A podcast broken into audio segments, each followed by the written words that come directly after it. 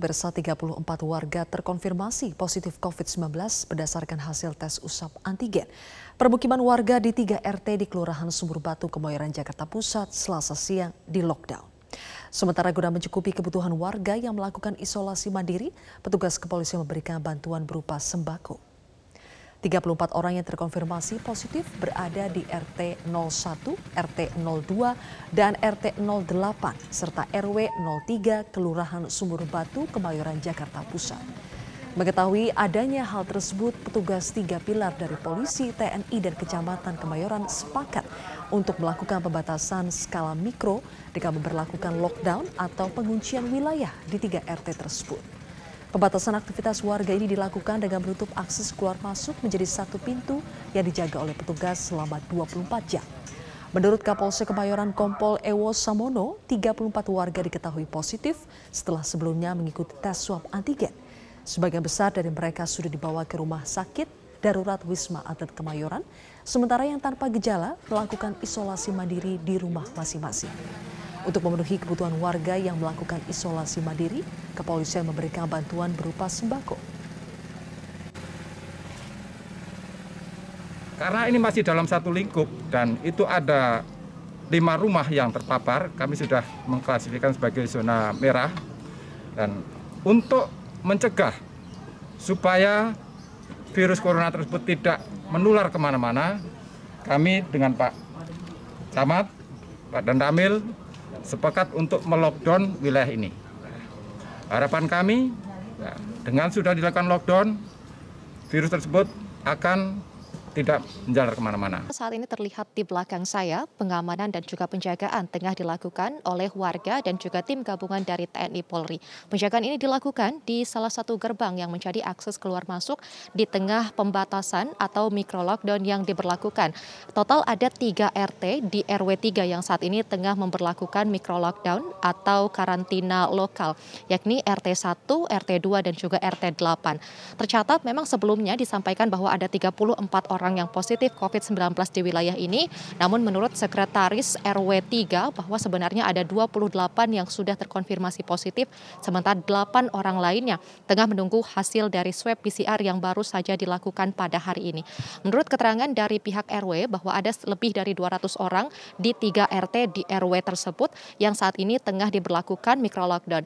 Dari 200 lebih warga 100 orang saat ini juga sudah menjalankan swab PCR massal yang dilakukan uh, bekerja sama dengan kelurahan setempat. Sementara itu dari 28 warga yang tercatat positif tersebut ini berasal dari lima kepala keluarga atau berasal dari lima rumah. Saat ini empat rumah di antaranya sudah dilakukan evakuasi menuju ke rumah sakit darurat Wisma Atlet Kemayoran. Sementara satu rumah yang berisikan sejumlah warga yang positif ini nantinya akan dibawa menuju ke lokasi yang sama untuk melakukan karantina selama dua pekan ke depan antara malam ini atau esok hari. Dan terlihat juga di lokasi ini ada sejumlah bantuan yang diberikan bagi warga yang tengah melakukan karantina dan juga tengah diberlakukan lockdown ini di antaranya adalah uh, bahan seperti bahan pangan seperti sembako dan juga peralatan medis untuk menjaga protokol kesehatan seperti cairan sanitasi tangan dan juga masker. Sementara itu menurut keterangan dari Kapolsek Kemayoran, Kompol Ewo Samono bahwa awal mula dari penemuan klaster ini berasal dari klaster keluarga. Kasus pertama ditemukan usai adanya warga yang merasa sakit dan juga melakukan pemeriksaan swab antigen ke rumah sakit. Dari hasil antigen tersebut yang menunjukkan hasil reaktif kemudian dilakukanlah tracing atau pelacakan kepada keluarga yang bersangkutan dan juga warga sekitar.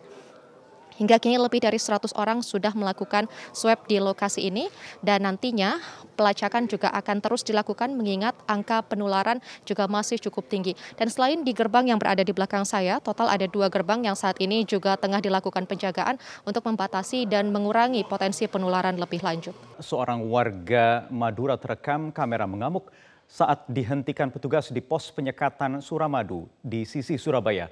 Warga tersebut menolak saat diminta untuk menjalani swab antigen.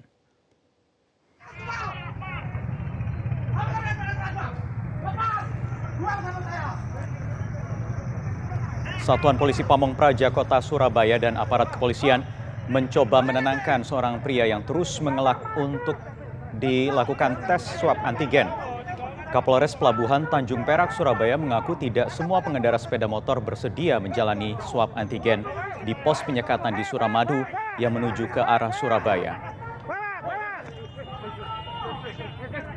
Meski terdapat pengendara yang menolak, namun tes swab antigen tetap dilakukan terhadap setiap orang yang lewat pos penyekatan tersebut. Sejak penyekatan di Jembatan Suramadu dimulai pada Minggu 6 Juni lalu, petugas gabungan dari pemerintah kota Surabaya telah melakukan tes antigen massal terhadap 7.000 lebih pengendara bermotor.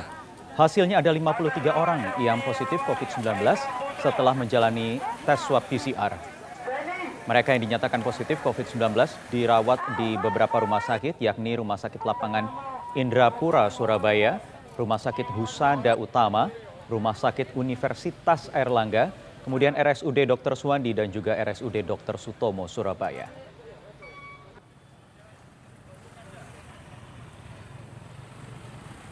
Barusan kita koordinasikan dengan Bupati Bangkalan. Ini kan sudah Bangkalan, Surabaya ini kan tidak bisa terpisahkan. Surabaya, Bangkalan, Gresik, Sidoarjo ini satu satuan. Sehingga saat ini kita akan saling support untuk bagaimana di Bangkalan juga tidak naik, di Surabaya juga tidak naik. Menteri Kesehatan Budi Gunadi Sadikin meninjau langsung pemeriksaan swab massal di pos penyekatan Suramadu di sisi Surabaya. Menkes menyatakan Kementerian Kesehatan akan membantu dalam penanganan lonjakan kasus COVID-19 di Kabupaten Bangkalan. Didampingi Kepala BNPB Ganip Warsito dan juga ada Gubernur Jawa Timur Hovifah Indar Parawansa dan Wali Kota Surabaya Eri Cahyadi serta Bupati Bangkalan Ahmad Latif. Menteri Kesehatan Budi Gunadi Sadikin meninjau langsung pemeriksaan antigen di pintu keluar jembatan Suramadu. Menkes sempat berdialog dengan warga yang hendak dites dan meminta warga untuk tidak takut menjalani swab. Menkes meyakini warga jika tes antigen massal ini dilakukan untuk mengetahui kondisi kesehatan warga sekaligus memudahkan dalam melakukan pelacakan atau tracing. Untuk menangani lonjakan kasus COVID-19 di Bangkalan, Menkes menyatakan akan mengirim bantuan tenaga kesehatan merujuk pasien COVID-19 di Bangkalan ke sejumlah rumah sakit di Surabaya dan juga mendistribusikan 20 hingga 30 ribu vaksin ke Kabupaten Bangkalan. Rumah sakit di sana harus dilanjut dulu supaya tekanannya nggak besar yang sakit dibawa ke Surabaya itu udah hebat karena di Surabaya kapasitasnya bagus tenaga kesehatan perawat obat-obatan ventilator udah kapal sehingga tekanannya berkurang. Sehingga nakesnya juga nggak usah terlalu keras. Dua preman pengeroyok anggota marinir yang sempat melarikan diri berhasil ditangkap tim Resmob Polresta Sidoarjo. Total ada enam pelaku pengeroyokan yang dijadikan tersangka. Keenam pelaku pengeroyokan anggota marinir ini masing-masing berinisial UNH, RTR, FCP, dan YMK serta DW dan US. DW dan US adalah pelaku yang baru berhasil ditangkap setelah buron sejak peristiwa pengeroyokan pada Minggu 23 Mei lalu. DW dan US diketahui kabur berpindah-pindah mulai ke Jombang hingga Madura. DW bahkan sempat sembunyi di sebuah pondok pesantren di Jombang.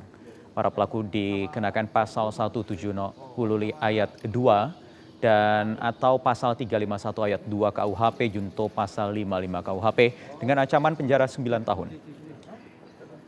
Sebelumnya para pelaku melakukan pengeroyokan terhadap Pratu Marinir Jehezkiel Yusuf Sakan. Korban dikeroyok saat melintas di pintu keluar bus kota. Yang sudah kita kejar dari beberapa hari, beberapa minggu, dan akhirnya tiba naasnya ketangkap, yaitu saudara Uus dan saudara Dwi.